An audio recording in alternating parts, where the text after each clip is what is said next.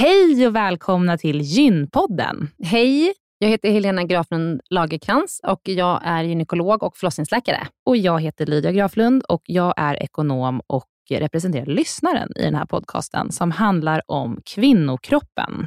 Det är vetenskaplig fakta om kvinnokroppen och det du hör i den här podden är det som man kan höra om man får träffa en läkare eller en barnmorska i ett eh, möte. Men ibland så bjuder vi in gäster som berättar om sina personliga erfarenheter och ibland är det också spekulation, men då är det verkligen tydligt att det är spekulation. Annars är grunden för den här podden vetenskaplig fakta om kvinnokroppen. Så är det. Hoppas att ni vill lyssna. Välkomna.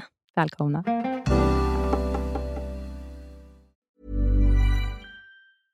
Jewelry isn't a gift you give just once. It's a way to remind your loved one of a beautiful moment every time they see it. Blue Nile can help you find the gift that says how you feel and says it beautifully with expert guidance and a wide assortment of jewelry of the highest quality at the best price. Go to BlueNile.com and experience the convenience of shopping Blue Nile, the original online jeweler since 1999. That's BlueNile.com to find the perfect jewelry gift for any occasion. BlueNile.com.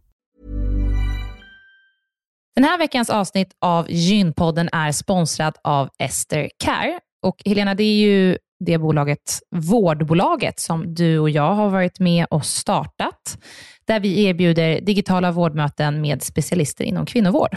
Precis. Och vi vet att det är väldigt mycket vårdpersonal som lyssnar på Gynpodden, vilket vi är jätteglada för. Och vi behöver alltid fler gynekologer till STKR. Så därför vill vi nu göra en shout-out till alla er som lyssnar där ute som vill vara med och förändra svensk kvinnovård. Vi söker specialister inom gynekologi, men också ST-läkare som har kommit en bit in i sin ST och som vill arbeta digitalt eh, med handledning på, hos oss på SDKR. Mm. Och precis som det är för våra patienter som kan söka vård hos oss, det vill säga att de kan bo vart som helst i landet eftersom vi är digitala. Om man laddar ner appen och så bokar man ett vårdmöte, så kan ju även läkaren bo vart som helst i landet eller flytta under tiden man jobbar hos oss. Det är ju väldigt, väldigt flexibelt eftersom eh, man jobbar hemifrån. Och Jag tänker att det måste ju också vara helt underbart att som läkare kunna arbeta hemifrån och planera sin egen tid några dagar i veckan. Ja, verkligen. Och samtidigt vara med och förändra kvinnovården med kollegor som är otroligt drivna och engagerade. Det är jätteroligt att jobba på SDKR. Och jag tycker att det här är en häftig grej som vi gör just nu, att vi erbjuder gyn, äh, gynvård i hela landet. Och vilka är de vanligaste patientmötena du tar, Helena? Ja, men det är ju klimakteriet, eh, PMS, eh, mensbesvär. Och det är ju såklart ärenden och eh, diagnoser som går att hantera digitalt. Men vi remitterar också vidare när det behövs mm. Eh, och tar labbprover när det behövs mm. och så vidare. Mm. Så gå in på sdcare.com, klicka på jobba hos oss i menyn för att läsa mer och skicka in en ansökan. Tack så mycket. Tack och välkomna. Välkomna till Gynpodden. Hej hej. Hej hej. Vi är tre här idag. det brukar vi vara, men vi har en välkänd gammal gäst vår barnmorska. Gammal och gammal. gammal i gamet. Gammal i gamet. Erfaren. Välkommen barnmorska Karin Norrbring. Uh, tack snälla!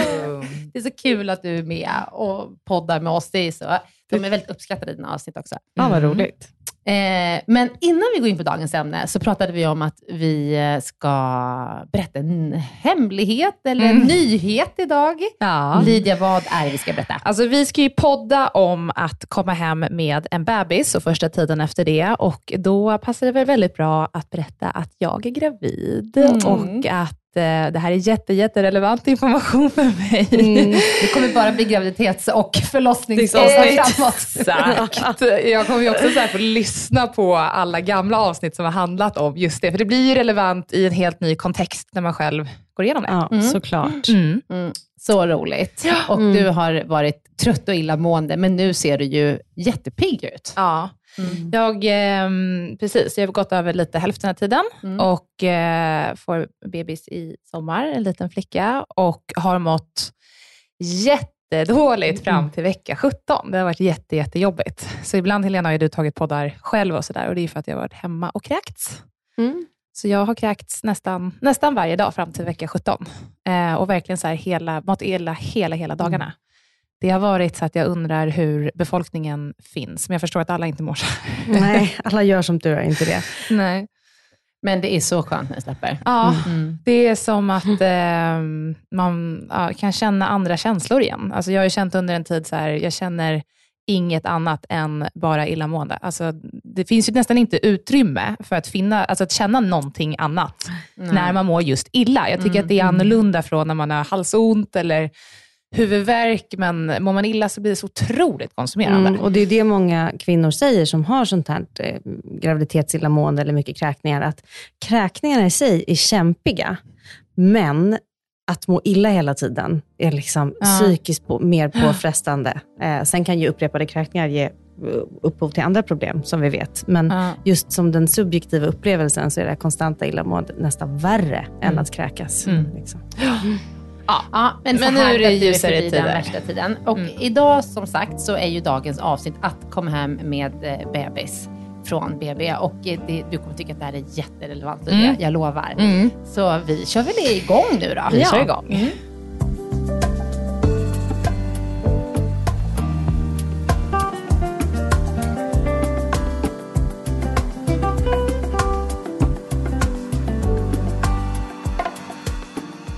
Okej, jag börjar då med den första frågan. Ehm, hur länge stannar man på BB? När man, låt säga att man har gått igenom sin graviditet, nio månader, förlossningen är klar. Nu står vi här. Vad, Man har hur länge, fött Ja, man har barnet, fött liksom. barnet. Vad Mm. händer då? Och det beror ju lite på. Eh, dels eh, beroende på hur graviditeten har varit, om man har varit frisk eller haft några komplikationer under graviditeten och på hur födseln har gått såklart. Men om vi säger att man har varit helt frisk och man är ung och man har alla liksom friskhetsfaktorer på plats och man har fött normalt, då pratar man ju ofta nu för tiden om hemgång i rätt tid snarare än ett visst. Förr sa man förstföderskor ett dygn, omföderskor två, nej tvärtom, förlåt. Förstföderskor två dygn, omföderskor ett dygn. Men nu tittar man ju lite mer på den individuella situationen. Att så här, för vissa kanske det är rätt att stanna ett dygn och för andra kanske det är rätt att gå hem efter sex timmar. Mm. Kan vara Så att man kan gå hem samma dag? Ja, Ja. tidig hemgång het, kallas ju det. Då, då brukar man vänta sex timmar. Mm. Och det kanske inte är så många förstföderskor som går hem. Nej, det utan det är mer de här erfarna mammorna som liksom, eh, förlossningen har gått smidigt, man liksom vet hur det är att amma och man vet hur det är att komma hem med en bebis. Man behöver inte så mycket stöttning. De Nej. kan gå hem på tidig hemgång. Mm. Men beror det, också, det måste också bero på om man har gått igenom um, kejsarsnitt eller vaginalförlossning, eller? Såklart. Absolut. Ja. Mm. Om man har eh, fött barn med hjälp av kejsarsnitt så vill vi att man stannar i alla fall två dygn eh, på förlossningen efter för att se att eh, man kommer upp, kan stå på benen och kan gå på toaletten och liksom allt annat utöver det här med amning och återhämtning och Mm. så också. Det är ju liksom ändå efter en operation. Och sen är det bebisperspektivet. Mm, Precis. Be- Bebisarna på, genomgår ju en barnläkarundersökning. Mm. Och då ska de bli godkända på den, så att Mm. säga. Mm. Eh, en del bebisar blir gula. Då kan de behöva sola på BB. Det kan också förlänga vårdtiden på BB. Mm. Vänta, gula, varför då? Ja, men de har liksom ett omoget system att bryta ner ett ämne i kroppen som gör att de blir gula. Och, Det är inte gulsot. Jo, Jo. det är Ja, det är det. gulsot. Mm. Ja. Nyföddhetsgulsot. Och det är ju det här ämnet som Helena pratar om, heter bilirubin, som faller ut när röda blodkroppar går sönder, alltså när de och nybildas. Liksom. Just det. Sen tycker jag att vi, vi, vi kan prata lite mer om amningen också, att det är så viktigt, för det är många som känner att de går hem tidigt utan att ha fått ett ordentligt amningsstöd, eller amningsintroduktion, eller vad man ska kalla det, på, på BB. Eh, så att även om man själv känner sig redo och upp och hoppar och alltihopa, så är det ju jättebra, precis som Helena säger, att verkligen ta in barnperspektivet och se till att man har fått en fullgod amningsobservation, om man planerar att amma innan man går hem. Mm. Det tycker jag är jätteviktigt, Mm. om man planerar att tidigt, Mm. att man gör. Och sen så går, genomgår barnet också ett hörseltest Mm. som man ska göra innan man har gått hem. Och, och om man går tidig hemgång så får man såklart komma tillbaka för hörseltest och barnläkarundersökning.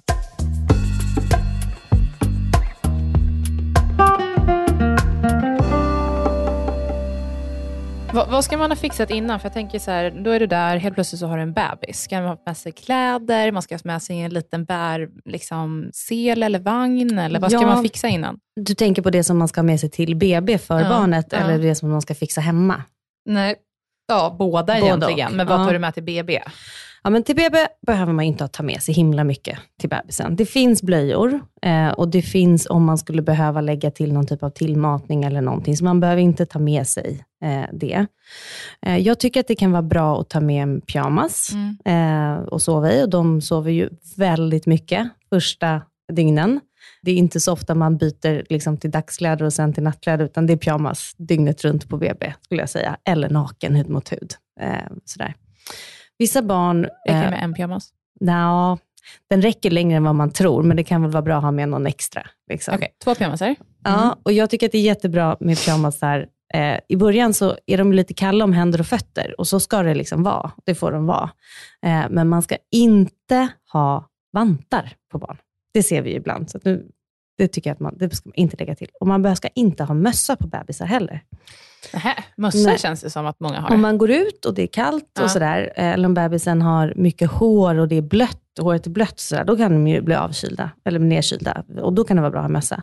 Men när man har barnet i famnen, då vet vi att det finns massa sådana här anknytning och oxytocinreceptorer på barnets skalle. Så man ska liksom lukta och pussa och gosa med, har man en mössa där, då blockerar man de här signalerna. Ehm, så även om det är jättegulligt med mössa, så spar det tills man går utomhus. På BB ska de inte ha mössa på sig. Ehm, så det är inte så mycket man behöver ta med sig. En filt tycker jag kan vara mysigt, därför att man vill gärna ha så mycket hud mot hud. Om man då har i famnen så är det lättare att lägga på en filt än att klä av och på en massa kläder. Har man med en vagn eller har man en bär... Eh, liksom? Bilstol kan man ha med sig. Om man ska åka bil hem så kan man göra det. Ja. Då ska man åka kommunalt hem så klart att det kan vara bra med en vagn. Men ganska många kanske inte åker kommunalt hem utan att man på något sätt blir hämtad eller skjutsad. Mm. Eller Ja, liksom och de så. här första bilstolarna, babyskydden, de Mm. har ju oftast inte taxibolagen. Nej, precis. Eh, så det måste man ha en egen om man ska åka bil. Mm. Mm. Sen tycker jag ju att det är en väldigt god idé att ha en bärsjal. Mm. eh, istället för de här plastlådorna som finns på många BB där man lägger barnet, utan ha bärsjal och ett babynest kanske. Hör med den kliniken där man planerar att föda på, vad finns? Vad behöver jag ha med mig till just er klinik? Liksom. Ehm, Mm. Men, och vad ska man tänka på, Karin, tycker du, när man kommer hem? Vad behöver man ha hemma?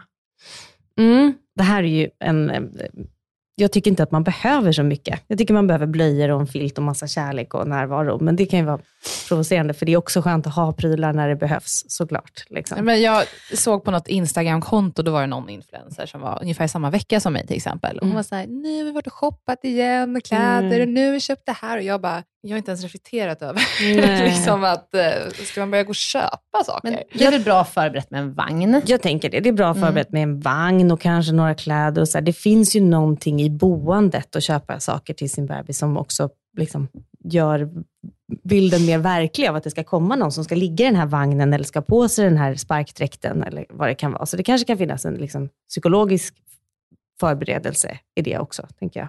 Men det man ska komma ihåg är att alla butiker finns kvar. Det är inte så att man föder barn och sen kan man köpa en enda sak. Man behöver inte ha köpt hem allting. Liksom. Skulle man behöva tillmata med ersättning, då finns det på ICA eller Ja. liksom på apotek. Det finns att få- få tag på även Ja. sen. Man behöver inte ha lagrat upp. Liksom. Helena, när du har fått ett fjärde barn, har du köpt någonting nytt då? Bindor kanske? Okej. Knappt det, det finns kvar. Nej, men alltså, jag tänker också så här, Det är man ska, skala på det där. man ska, ja, man ska ha stora bindor till Mm. sig själv när man Mm. kommer hem. Nattbindor. Liksom. Nattbindor, Mm. för att man, man blöder ju ganska mycket. Alltså avslaget pågår ju liksom från det att bebisen har kommit ut och i flera, flera veckor. Och, men just i Vad början är så... avslag? Är det liksom det som är livmodern som ska ut? Eller? Avslaget är ju, eh, det förändras över tid ska man säga. Det första som kommer det är färsk blödning Mm. och det kommer från den sårytan inne i livmodern där moderkakan har suttit. Mm. Så när den släpper och kommer ut med efterbörden efter födseln, då är det ju liksom ett öppet sår i livmodern. Därifrån blöder det. Sen drar livmodern ihop sig och då, då drar den här sårytan ihop sig också. Så kommer det här såret att läka. Hur lång tid ungefär Man brukar det? säga att man har en färsk blödning ungefär en vecka. Och Sen kommer det liksom ändra färg och mängd och konsistens och så till att bli lite mörkare, brunare, mer som en liksom, eh, brun blandad flytning och sen mot slutet så övergår det till en liksom gulvit eh, flytning eller sårvätska eh, som, som kommer från det liksom mer läkta såret. Och Precis. det pågår ungefär 68 veckor. Mm. Och ibland, det är ju inte så ovanligt att avslaget, um, liksom, det är inte jättemycket på BB, för man rör inte på sig så mycket på BB, så det kan vara liksom att det kan vara lite mindre på BB och sen så kan det bli lite mer när man kommer hem. Och det behöver man inte vara jätteorolig för. Det Nej. är liksom, då har det ansamlats li, i livmodern kan man liksom tänka och att det liksom ska komma ut. Eh, och eh, det finns liksom ingen så- sån exakt regel för när man ska söka hjälp för att man blöder mycket. Men man, man kan väl säga så här att eh, om det blöder till i hemmet när man har kommit hem och det kommer något koagel eller sådär. Det är ingenting som man måste vara orolig för. Men om det blöder mycket och det liksom fortsätter inte, om man blöder med koagel, om man fyller upp binda efter binda, så här, då kan det vara bra att kolla Ja. med en gynekolog. Och det kan ju vara gynakuten i din hemort, eller om du kan få tag på din barnmorska för den delen. Så, och sen är det ju också alltid det här med Eh, om man blöder mer och också har feber och ont i magen, så kan ju det vara ett tecken på Mm. infektion. Och om det är under alltså, första sju dagarna efter förlossningen, då kan man ju vända sig till den kliniken där man har fött barn. det är också Ja. precis. Mm. Men det vi brukar säga om blödning på barnmorskemottagningen när man ringer efter man har fött barn, det är ju just det här som du säger, att om man har legat ner mycket eller kanske inte rört sig på en stund och så reser man sig upp, då kommer det lite mer och det är just för ja, men, tyngdlaget, liksom, att det har inte kunnat komma ut när man har legat ner. Men blödningen ska vara liksom ganska konstant i mängd eller minskande. Den ska inte liksom öka och öka och successivt öka över tid, utan då ska man kolla upp varför man blöder Mm. eh, och känna efter på sådana liksom, infektionstecken generellt. Ja, Liksom. för då kan det vara infektion. Mm. Ja. Ja. Mm, Och då har man ont på ett annat sätt också kan jag tänka mig. Eller Alltså en märker man infektion i livmodern märker man av. Ja, man känner då sig mår ganska man risig. dåligt. Ja, feber, Mm. ont i magen, sjukdomskänsla. Men man vill ju så himla ogärna söka vård när man har kommit hem Mm. med en liten bebis. Så att jag upplever att de kvinnorna som får det här i hemmet, de har kanske känt på sig det här några dagar innan eller någon dag innan och Ja. liksom dragit sig för att söka, för det är så mysigt hemma och så ska man in på sjukhus igen. Och, Man kanske Så inte att- har lust att springa omkring eller jag vet inte. nej, precis. Så att, men, ehm, Men, man vill ju bara att det ska vara- som inte avtar, det ska man söka för. och feber. Och feber, Mm. absolut. Sen kan man ju få lite feber, när temp, eller lite tempstegring när mjölken rinner till. Ja, precis. precis. Behöver man söka hjälp för det, Karin? Nej, det behöver man ju inte egentligen. Men jag tycker i den här perioden generellt, liksom när man är nybliven mamma, oavsett om det är första eller andra gången, eh, det som oroar en, vi har ju faktiskt ett himla fint system med barnmorskemottagningar och mödravård i Sverige. Det som oroar en, kontakta din barnmorska och fråga. Alltså, Mm. Men man, när man har kommit ha- hem, har du fortfarande den barnmorskan du har haft innan? Ja. Alltså under graviditeten. När övergår det till en BVC, där du inte liksom BVC har rätt att prata med din barnmorska längre, eller hur man ska säga? Ja, men BVC är ju för barnet. Det är barnavårdscentralen och Ja. barnmorskemottagningen är för kvinnan. hur Och- länge går det där då? I Region Stockholm i alla fall, jag tror att det är liknande regler runt om i landet när jag kollar på det här, men då är du egentligen inskriven hos din barnmorska på barnmorskemottagningen 16 veckor efter du har fött barn. Okej, så då har man liksom rätt att gå dit och kolla och sådär efteråt? Men sen är det ju så fantastiskt med barnmorskemottagningen att du har liksom rätt att gå dit jämt. Det kostar ingenting att gå till en barnmorska. Så att är du oro, men jag tänker just när man har kommit hem, jag har lite feber, allting går ganska bra, brösten ömmar lite. Ring och fråga henne. Eh, mycket kan man göra via telefonrådgivning. Liksom. Och Sen kan du även när det gäller amning och, och bröstkomplikationer få hjälp via BVC också, för att det är kopplat till amning. Och när kontaktar man BVC? BVC ska man ju ha valt under graviditeten, vilken man vill gå på. Då brukar man välja en som ligger nära hemmet eller någon som någon kompis har haft. Och sen så, de vill ju liksom gärna boka in ett besök när det här ansvaret, alltså första sju dagarna så vänder man sig till den kliniken man har fött barn, om det är någonting med bebisen eller mamma. Och efter sju dagar så är det barnmorskemottagningen eller gynakuten för mamman och BVC eller barnakuten för barnet. Så ser liksom uppdraget ut. Och Då blir det ju svårt om, de, om man ringer till dem och säger att hej, nu är min bebis sju dagar, nu ska jag börja gå hos er. Då hinner inte de boka in någon besök. Så att om man väljer vilken BVC man vill gå hos under graviditeten och sen när man har fött och vet vilken födelsedag det blev, då ringer man, då kontaktar man BVC ganska Eh, då, journaler och så skickas ju från förlossningen. Då och då, kontakt- det hittar man på 1177 eller? Ja, och då kontaktar man dem när man har kommit hem och säger nu har vi kommit hem med en bebis eh, och vi ska gå hos er. Då vet de om det redan, så bokar de in en tid. Mm. Ofta hembesök. Mm. Hur vet man om bebisen får i sig tillräckligt med mjölk om man ammar? Ja, det märker man på att bebisen släpper bröstet och så och beter sig nöjd efter amning. Det är ju lättare sagt än gjort. Men man vet ju inte Nej. hur mycket mjölk som man bebisen går och får i sig. väger dem, kan man inte det? Precis. Man börjar ju med att man tar en vikt vid födseln och sen tar man en vikt på dygn 3-4 på återbesöket. Eh, och just mängden mjölk vid amning är ju svår att uppskatta, för den ser vi ju inte. Om man matar med flaska eller tillmatar, så, då ser man ju hur mycket det är. Men troligen så är det så att alla barn får i sig ganska olika mycket bröstmjölk vid amning. Men att man får följa vikten. Man tar en vikt födsel, återbesök och sen på BVC varje gång när man går där. Och Då så vill man se att barnet följer sin kurva och går stadigt upp i vikt.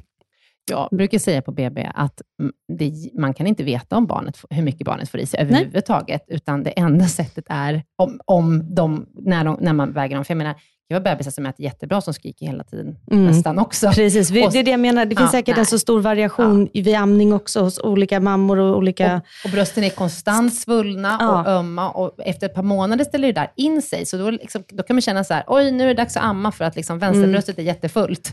Och sen Men det- efteråt är vänsterbröstet jättetomt. Behöver Då vet man- man ju. Nej, men så det man kan, Pumpa, alltså mjölkpumpa någonting. Alltså blir det, eller, inte som regel. nej, Nej. bebisen äter det. Ja. Men det finns. man kan kolla på, förutom vikten, det är ju att barnet kissar och bajsar.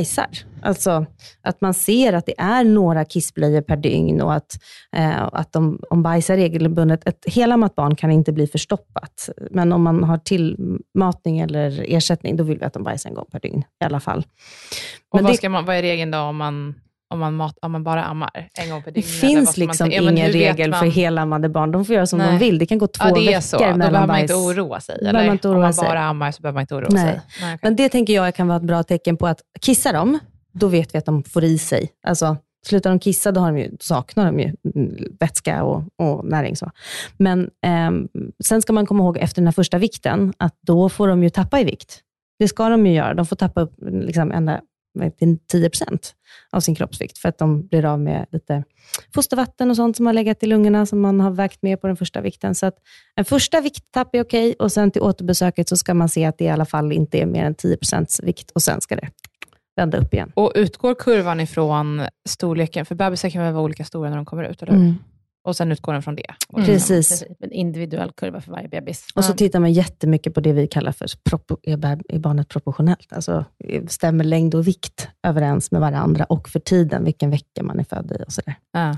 Så det finns ju väldigt, alla, kanske, alla som någon gång har haft barn känner igen de här rutnäten med, man följer sin egen kurva. Liksom. Och om amningen inte fungerar, vart vänder man sig då? Ja, jättebra fråga tycker jag, för det är ju någonting som man ska tänka på under graviditeten. Man kan komma till oss. Man kan komma till ST Care för digital amningsrådgivning Ja. med våra jätte, jätteduktiga barnmorskor.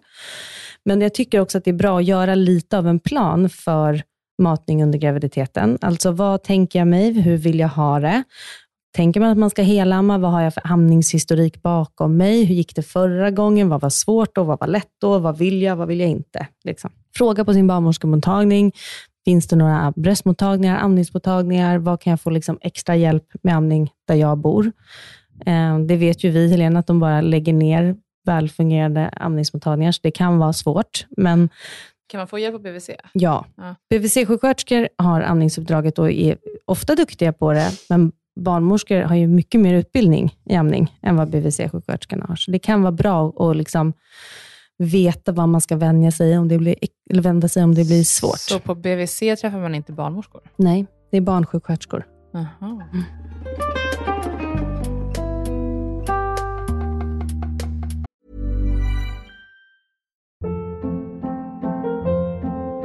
Hold up. What was that? Boring. No flavor. That was as bad as those leftovers you ate all week. Kiki Palmer here, and it's time to say hello to something fresh and guilt-free. Hello Fresh. Jazz up dinner with pecan-crusted chicken or garlic butter shrimp scampi. Now that's music to my mouth. Hello Fresh. Let's get this dinner party started. Discover all the delicious possibilities at hellofresh.com. One size fits all seems like a good idea for clothes until you try them on. Same goes for healthcare. That's why United Healthcare offers flexible, budget friendly coverage for medical, vision, dental, and more. Learn more at uh1.com. Den här veckan så är Gynpoddens avsnitt sponsrat av hemsidan mittpreventivmedel.se som är en eh, informationshemsida gjord av Bayer. Mm. Och vi har pratat om den tidigare i avsnitt eh, om att eh, det finns olika tester du kan ta, eller det finns ett test du kan ta. Du kan också gå in och jämföra olika preventivmedelsmetoder för att se vilka som är bäst för dig och du Mm. kan titta på en film där Mm. du kan förbereda dig inför att du ska träffa barnmorska eller gynekolog och skaffa ett pre- preventivmedel. Men det vi skulle vilja berätta om idag, det är att det finns också då eh, på mittpreventivmedel.se så finns det en bra lathund om man råkar glömma ta sitt p-piller, eftersom det beror ju lite på liksom när i kartan som du glömmer att ta ditt piller. Mm. Och Då kan du gå in under rubriken “Känner du igen dig?” så finns det en rubrik som heter “Undvika oplanerad graviditet”. Mm. Och där är listat sådana här saker då som kan hända. Att mensen är sen, du har glömt att ta p-pillret, behov av akut p-piller och kondomen gick sönder. Mm. Ja, du vet Lydia, olika saker som kan hända Mm. som ändå gör att man blir sjukt orolig och behöver få information om vad som kan hända. Så börja med att gå in och läsa på den här sidan för att se liksom lite var passar du in någonstans. Mm. Det här är faktiskt en väldigt viktig del av den här hemsidan. Ja, och det är en superenkel guide där man Mm. fyller i hur många piller man har glömt, vilken sorts karta det var. Är det en karta med fyra eller sju sockerpiller, inga alls? Ehm, ja. Så att det, är- det är väldigt anpassat till din situation och sen Mm. så får du råd. Mm. Och ibland kan det vara att man bara, bara behöver ta igen det här pillret som man har missat och ibland behöver man kanske komplettera och ha kondom i en vecka liksom, eller så under en viss tid. Så att, eh, ja, men den är informativ och bra. Så gå in och kolla på mittpreventivmedel.se och sen klicka vidare till den här lathunden då som man hittar under rubriken Känner du igen dig? Mm. Jättebra sida. Tack Eh, Bayer. Tack Bayer.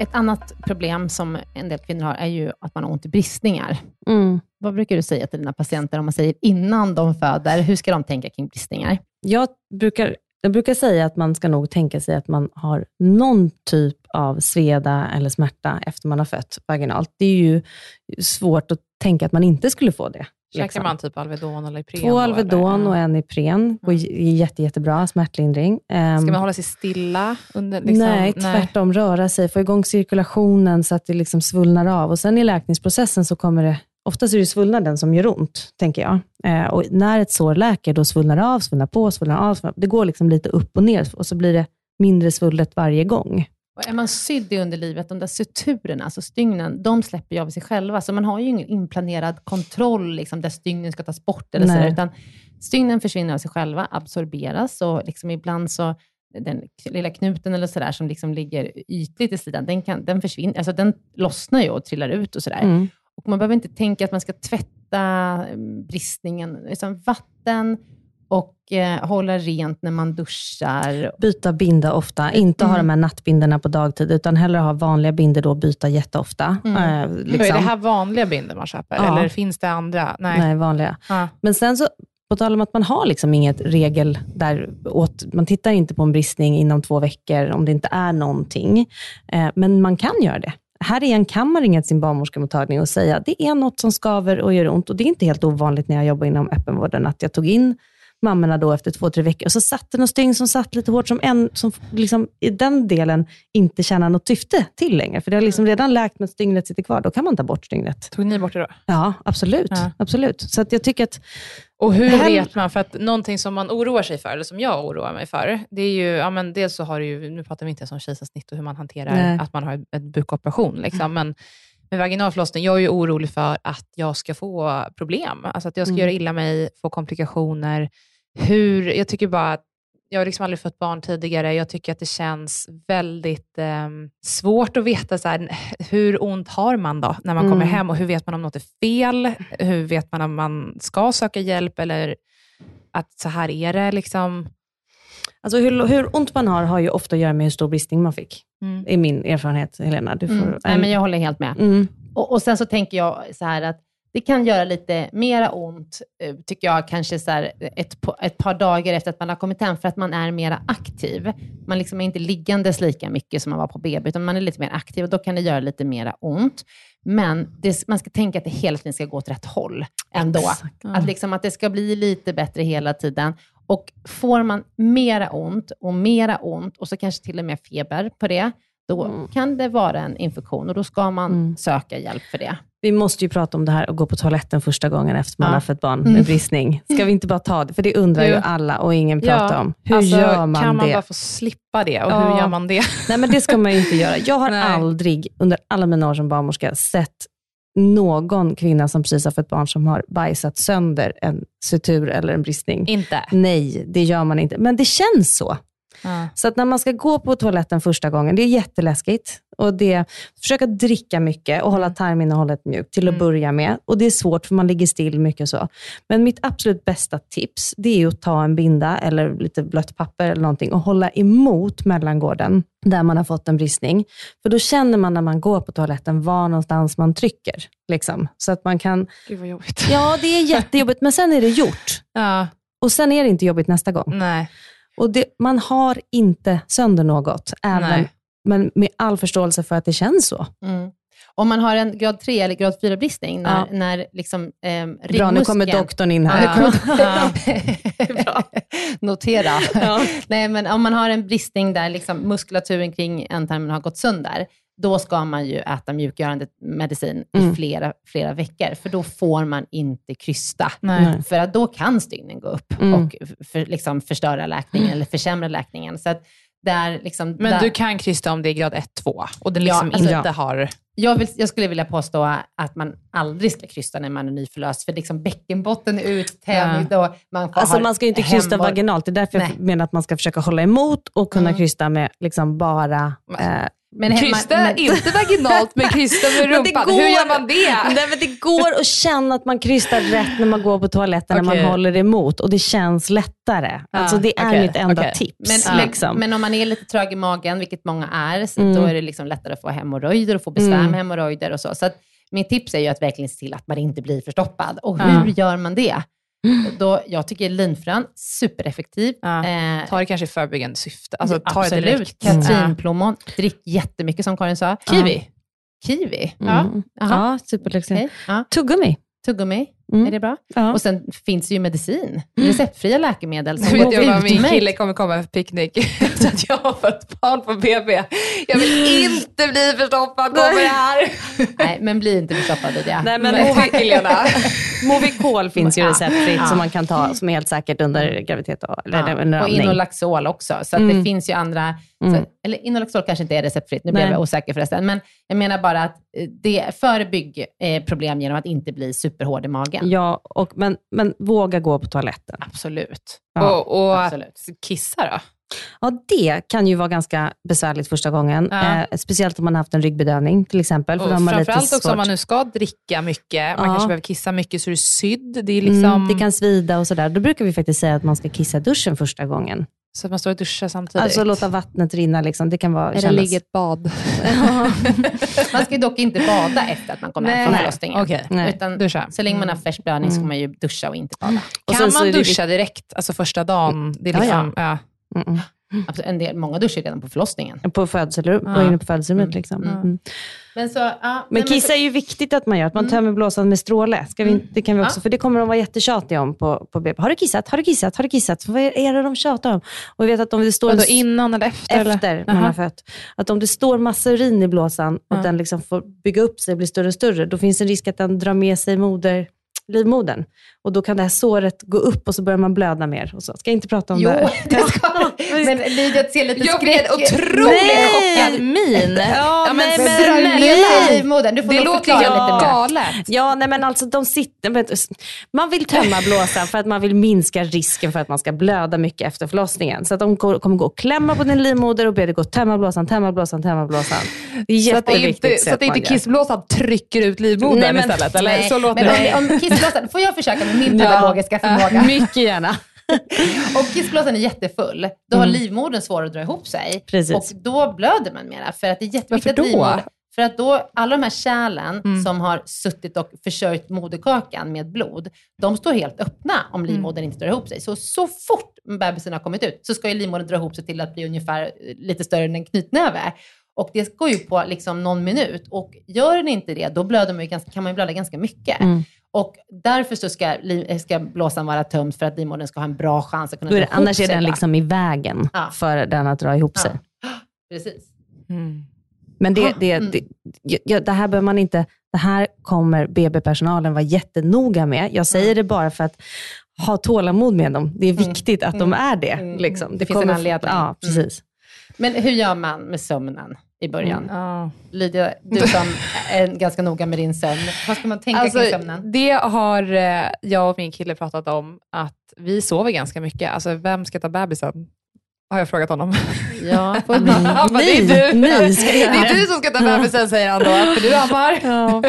Men så tänk, hur ska man tänka med sömnen? Bebisen har ju liksom inte, är inte så att den går och lägger sig på kvällen och sover hela natten. Mm, Det är olika för alla. Vissa barn sover ju eh, mer än andra och mer på natten och har ryt, liksom, ryt, dygnsrytm eller rutiner tidigare. Det är såklart olika. Jag tror att det viktigaste här är att man inte har för eh, tydliga förväntningar, utan att man liksom mäktar med att ta det som det kommer och lyssna på barnet. Alltså noll planer. Noll planer Ja. och noll tankar på att vi ska sätta rutiner eller vi ska göra det här. Jag tycker, här kanske personligt tyckande, behöver man ju markera, men jag tycker inga rutiner innan fem sex månader, utan bara fall in i barnets rutiner. Det Ja. kommer vara lättast. Och vi, det vi bjudna på ett bröllop veckan efter BF och jag har sagt att jag kommer nog inte komma. Nej. Och min kille säger, men om hon kommer verkligen på BF, då kan vi väl gå? Jag bara, nej. Mm, Stanna hemma, Ja. tycker jag. Rent Ja. magkänsla bara. Och Men- får du feeling så kan du väl gå en stund, men inte kyrkan. planera för det, för då Nej. kommer du bara, Blir gud, om tre dagar är det bröllop och herregud. Ja. Och, Mm. nej, bara låt det vara som det blir. Liksom. Nej, men och, sömn är svårt, men det Ja. kanske blir lite av det i början. Eh, och, och då får man försöka sova i kapp på dagen. Eh, jag har lite svårt för klyschor, det här med sov när barnet sover och så. Det går ju inte alltid, för man har också ett annat liv som man vill sköta om. Liksom. Men, men håll förväntningarna nere så blir det bara, kanske bara bättre. och och man ja. överlever. Man överlever. Man tror kanske inte att man ska göra det för att man är så trött, men det, man överlever. Mm. Och Amning, ska vi prata om det? Nej? det ska vi göra. Men nu tänkte jag fortsätta lite till om sömnen. sömnen. Be om hjälp. Alltså, känner du och din partner att nu pallar inte vi, be om hjälp att få avlastning. Alltså, be en vän, be mormor, farmor, morfar, farfar. Be någon om hjälp. För att det finns ju också eh, familjer där föräldrarna mår jättedåligt på grund av sömnen. Och, att man liksom, och det kan ju också vara så här, har man en skörhet, att man har haft en depression tidigare i livet eller att man har någon annan psykisk sjukdom, som, eller liksom ångest eller så här, att inte få sova, det kan ju vara förenat med livsfara. Så Absolut. det här är absolut inte för alla. Men om du känner att du har kommit till någon nivå när det är så här, att det här funkar inte, be om hjälp. Och ah, det kommer finnas någon som vill hjälpa dig. Och du kan be BVC om hjälp, om det skulle vara så att det liksom är på den nivån. Mm. Men det, det, det jag brukar säga då, när jag har jobbat på BB med par som ligger, kanske stannar några nätter och har den här problematiken, eller har svårt att sova eller får väldigt lite sömn, att man liksom gör en deal med varandra. Att nu har jag ammat, bebisen är mätt, det är en ny blöja, nu måste jag sova. Då tar partnern barnet utanför det rummet. Och så, går, och så kommer man överens om, för man, då har man ofta lite svårt att, men hur ska ni klara er? och Så, här. så kommer man överens om att så länge barnet är nöjt, nöjd och glad och sover, eller vad, liksom, att allt är bra, då kommer inte jag.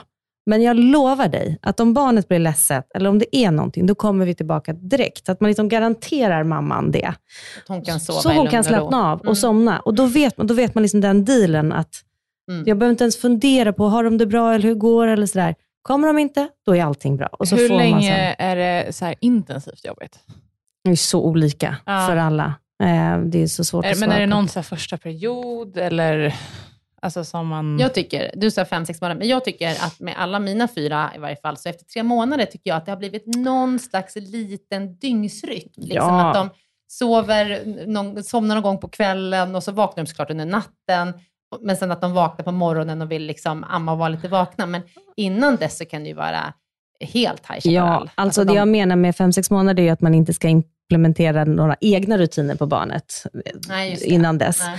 Däremot så tycker jag att det kan, alltså det som är så superintensivt första dygnen, det lägger sig ju kanske när man har en etablerad amning efter två, tre månader och barnet äter större måltider och också kan ta längre pauser mellan måltiderna och så. Ehm, första dygnen så ska de ju liksom äta gärna varannan timme. eh, Och sådär. Men, men det blir ju successivt längre pauser mellan måltiderna och då alltså kan de hålla sig mätta längre och sova lite längre. Samsovning, Karin, vad säger du om det? Ja, vi ska prata om det. Det ska vi verkligen, det här mycket åsikter om. Ja, men hur gör man när man har kommit hem? Sover Mm. bebisen i sängen med en eller ska man ha gjort i ordning någon liten crib? Det finns ju eh, jättemycket tydliga riktlinjer och rekommendationer när det kommer till att sova säkert. Och, och det handlar ju om att minska risken för plötslig spädbarnsdöd, framför allt. Eh, och ja, det är jätte, ett jätteobehagligt eh, ämne att prata om på många sätt, men jag tycker att det är bra att vi är tydliga med vad vi vet och att det faktiskt finns riktlinjer. Så det man började med, det var ju att eh, när man bytte från att rekommendera från att sova på mage till rygg, såg man att det hade effekt och så vidare. Det man har sett är att det säkraste ur det perspektivet för att minska risken för plötslig spädbarnsdöd, det är att barnet sover i egen säng i samma rum som föräldrarna. Eller föräldern. Och där definieras även ett babynest eller en crib eller sånt som man har till sängen som egen säng, alltså säng i sängen också. Men då ska det vara tydliga kanter och, och så. Och barnet ska ha en egen filt eller täcke. Man får inte använda samma täcke som man själv har. Någon gång. För jag tänker man ligger och ammar mycket, men då ska man liksom skjuta Nej. tillbaka bebisen Ja. tillbaka till sin... För sen när du sover och drar upp täcket i, över din kropp och barnet vet inte hur man ska ta ner ett täcke Nej. som hamnar framför ansiktet och sådär. Så att, Har du haft dem hela tiden, Helena, i en separat? Eh, jag, eh, med första barnet separat, Mm. hela tiden. Men eh, det var också krångligt om jag nu ska vara helt ärlig. För när man då flyttar över så vaknar de ju kanske. Mm. Så man kan ju hålla på med det ganska många gånger. men sådana här babynest med kanter som man får ha i Mm. sängen, de är ju bra. Ja, Mm. och det har vi kört med de Mm. andra sen. Alltså att de Det- ligger i sängen, men man har en, en, ett litet babynest i Alltså det som kallas för säng i sängen, det Okej. är liksom godkänt eller, och bra. Men och det här, det, jag kan ju sä- säga att jag tycker att eh, min man som sover väldigt, väldigt djupt, han Mm. har ju aldrig fått sova bredvid en bebis. Nej. Han har bara fått vara bredvid bebisen när han är vaken. Mm. För han skulle inte vakna om han rullade på bebisen. Så att jag har ju liksom legat i mitten, bebis vid sidan av mig, i en separat liksom, Mm. plats och sen min man på andra sidan. Mm. Och det känns och tryggt och det funkar precis, bra. Och det tänker jag att ni känner varandra eh, och man gör, man gör det, ehm, det som känns bra för ens familj. Mm. Däremot ska vi säga att det finns inget barn som har blivit pårullad av en förälder som inte har varit påverkad av alkohol, droger eller andra tyngre mediciner eh, eller så. Man har sina instinkter när man sover bredvid ett barn. Kanske inte just din man, men, alla, men de flesta Fredrik, andra. han kanske har det. Ja. Men jag litade inte på Nej, det i varje och fall. då var det på hans viktigt för dig att känna det var dig trygg och Det var nog viktigt. Det kanske var ännu, ännu viktigare för att jag skulle få sova, Ja, att jag kände att jag låg som en stoppkloss där mellan benen. Så att, Det är det jag menar. Då gjorde det var det. viktigt för mig. Liksom. Så kände Mm. ni er trygga Mm. med det. Eh, Men- men, man ska heller, Mm, om det finns förlåt. någon i, eh, av föräldrarna som, använder, eller som röker, så ska de inte sova med barnet. Nej, Det är jätteviktigt. precis. Eh, För Rökning ökar risken för plötslig spermastöd. Mm. Så de får inte vara i det rummet Nej. Och barnet ska sova på rygg. Det kanske du sa. På rygg, absolut. Ryggen. Ja. Men du, och sen så är det ju också att vissa barn skriker ju Mm. jättemycket, Mm. fast man inte hittar något fel. Nej, de, det är så Kolik, kämpigt. tänker jag, men det kanske inte alltid är det. Eller? Nej, och man vet ju inte riktigt vad kolik egentligen är och när sätter vi diagnosen kolik och sådär. Det är ju ett ganska grå, liksom, Är inte det att man har luft i tarmarna Ja, men någon typ av luft i tarmfickor eller liknande tror man att det beror på. Men det kan ju barn ha till och från. Och så rapar de eller fjärt. Det här är ju liksom ja, över ja. tid och mer extremt och sådär. Så att kolik är jättesvårt och jätte, jätte, jätte eh, besvärligt och krävande och, och kämpigt och sådär. Mm. Men då, jag tänker skift, liksom. Ehm, att, som man gör med, även med äldre barn som har öroninflammationer eller annat som gör att man håller sig vaken som förälder. Mm. Man får dela på det. Mm. Och är man ensamstående, precis som du sa Be om innan, hjälp. be om hjälp. Ja. Och sen, Det är tufft. det, alltså pratar, vi- liksom, det här pratar vi också om att ibland, alltså barn som skriker, det låter, nu låter det här jättehemskt, men det här är liksom någonting som jag verkligen kommer ihåg från när vi har pratat om det här på utbild, läkarutbildningen. Att så här, man sa, förälder så kan man ju bara tappa det ibland bara. Liksom att Mm. nej, nu orkar inte jag mera. Då ska man lägga ifrån sitt barn Ja. och så ska man gå och be om hjälp. Även om barnet skriker. Lägg ner barnet i, på en säker plats och gå och be om hjälp. För att Mm. det finns ju, alltså de fruktansvärda fall som, där liksom ett barn har farit illa, så det är ju en förälder som inte har sovit, som inte har något stöd och där barnet skriker oftast. Mm. Liksom att, och att man ska vara, jag menar inte att det här är, något, det är väldigt ovanligt, men man ska liksom vara ödmjuk för att ibland blir det för mycket. Då får man lägga ifrån sig sitt barn och så får man gå och be om hjälp. Mm. Och det ringa här, hem sin partner, eller ringa sin mamma, pappa eller kompis eller vad som helst. Bara Mm. hjälp mig. och det här pratar vi ju om eh, till alla gravida och jag hoppas verkligen att det efterlevs. Att man pratar om det här med vad gör du när tålamodet tar slut? Och Mm. precis som Helena säger, lägg ner, gå och ta någonting att dricka, be Mm. om hjälp. Mm. För de föräldrarna som man träffar på barnakuten när man kommer in, där man har skakat sitt barn eller det här har hänt någonting. Det, man ser nästan på föräldrarna att det, allt är slut där då. Liksom. Mm. Så man Mm. behöver hjälp och det, Och barnet får inte illa av att läggas ifrån en stund jämfört med barnet om mår man känner... mycket Ja. bättre av att ligga och skrika en stund Mm. än... Ja, det var det jag skulle fråga. Då Ja. lägger man ner barnet trots att det skriker, Mm. går därifrån en stund. Liksom. Andas, ta, som Ja. säger, ta något att Mm. dricka, ring någon och säg så här, jag behöver stöd.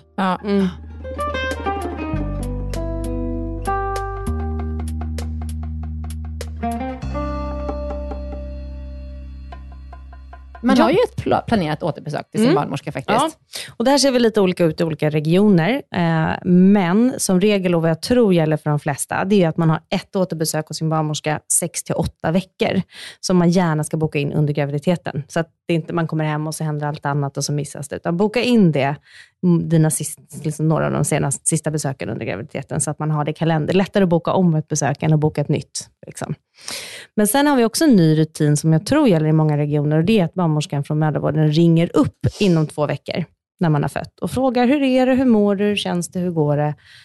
Och där tycker jag att man ska vara ärlig. Eh, och är det så att man behöver ett tidigt återbesök, då, då får man det. Alltså, då tycker jag att man ska säga att jag skulle vilja komma och titta på min bristning, eller jag skulle vilja, det känns lite knepigt det här som händer med förlossningen och jag har förtroende för dig. Kan vi prata lite om min födsel och min upplevelse av den? Eller ja, vad, vad det kan Vad vara. det nu kan vara. Ja. Eller att amningen inte funkar. Ta upp det med din MVC.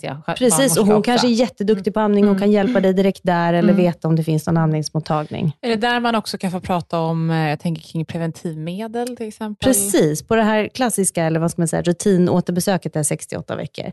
Då gör man ju en, det går man igenom upplevelsen av födseln och hur man mår och hur det har varit. Och sen så pratar man om amning och matning eh, och hur det fungerar hemma. Sen så gör man en gynundersökning och det ska alla kvinnor göra som har varit gravida, oavsett om man har fött vaginalt Hos- eller hos man har- barnmorskan alltså? hos barnmorskan. Om man vill. Om man vill, alla ska bli erbjudna det. Bra Helena. Men jag tänker att det har slarvats lite med det, efter, framförallt efter kejsarsnitt. Men det är viktigt att känna på knipet att man kniptränar rätt, att bäckenbotten är engagerad och så. Eh, man kanske behöver ta ett cellprov, om det är så att man har sparat det eh, efter graviditeten. Då ska det ha gått, rätta mig nu Helena, åtta veckor efter man har fött barn. Ja, jag tror det. Något sånt. Eh, och sen så ska man prata preventivmedel. Vad, vad, hur ser det ut för dig? När, vad planerar ni? Och, och sådär. Och det är viktigt att tänka på preventivmedel där, för Mm. att det är ju inte ovanligt att man blir gravid på första ägglossningen. Och man har ingen aning om när första ägglossningen är, Nej. eftersom det kommer två veckor innan man får sin första mens. Precis. Men det leder oss in på, när har man egentligen samlag efter att man har gått igenom vaginalförlossning? När man känner sig redo. Ja. Man brukar ju säga att man inte ska ha, eh, liksom bada eller använda tampong eller någon typ av liksom, penetrerande samtal medan man har avslag, alltså blödning eller så.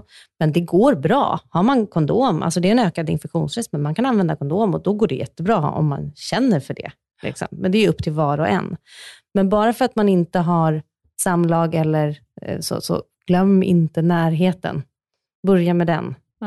Och när man har samlag, Mm. om man inte har hunnit få tillbaka sin mens, alltså att man, Mm. eh, många som ammar får inte tillbaka sin mens på jättelänge, se till att ha mycket glidmedel. För det Ja. är torrt som fnöske för de allra flesta. Att, Men så finns det en kräm också va? ja, man kan ha eh, vaginalt östrogen Mm. eh, under tiden som man ammar, tills man får tillbaka sin mens, om man eh, känner att man har torra slämhinnor. Och det går jättebra att amma med det läkemedlet. Mm. Men eh, alltid, alltid, alltid ha glidmedel så att det inte gör ont. Och Mm. Väldigt många kommer ju och frågar så här, eh, tror att det är någonting fel i underlivet för att det gör så ont eller så obehagligt när man har sex. Och då brukar jag säga att det är för att liksom slemhinnorna är Ja. sköra och inte för att det är någonting fel. Och man kan inte egentligen utvärdera det ordentligt förrän man har fått tillbaka sin mens. Och du Nej. har låga östrogennivåer därför Mm, när du ammar mm, och då är du Mm. torrare. Och det här liksom. kan man nästan se på det här återbesöket. Om man gör en gynundersökning eh, efter, ser man att här slemhinnorna är lite så här bleka och torra. Och, Mm. Så kan man säga, ja men se att du har, du har liksom lite lågt östrogen nu för att du ammar. Det kan kännas på den slem. Va, är det det? Jaha. Mm. Liksom. Så Mm. det inte... Ska man kanske alltid ta den här östrogenkrämen då? Alltså som, Inte om man inte Har besvär. Nej, okej. Men Karin, kan du svara på, när kommer mensen tillbaka då? Ja, det är ju väldigt olika för, beroende på eh, hur, om man ammar, hur mycket man ammar. Eh, och Det kan ju också vara så att man ammar jättemycket, men man ändå får mens. Eh, sannolikheten är ju mindre för det. Mm.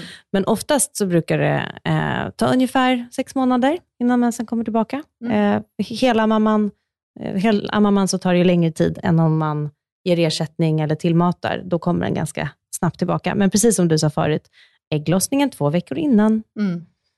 Så watch out. Ja. Och en sista fråga då. Ehm, hur, hur mycket ska man förvänta sig, att, alltså hur snabbt drar magen ihop sig? Eh, och jag tänker så här med magmusklerna, liksom, när återhämtar sig den delen av kroppen? För det kan jag ju känna är den delen av kroppen som verkligen Ja, ja. eh, Och det beror ju mycket. framförallt på hur många graviditeter. Det tar lite längre tid ju fler graviditeter, brukar, brukar, eh, är min erfarenhet. Eh, men det man ska komma ihåg med läkning efter graviditet är ju inifrån och ut. Återhämtning, läkning, inte börja träna liksom, magmus yttre magmusklerna direkt, utan börja med bäckenbotten och, och högst, också högst individuellt. Vissa ja. kvinnor sätter ju på sig sina jeans efter att de har fått barn och magen är borta. Ja, liksom, väldigt okay. ovanligt, men för vissa är den ju kvar än idag, som hos mig. lite olika. Men då har vi besvarat jättemånga frågor. Har ja. du ingenting mera? Nej, jag har inget mer. Tusen, tusen tack, tack. Karin och tack, Helena ja, som också kommer med input. Nej, men tack ni. Tack. Ja, bra. Hej då! Hej då!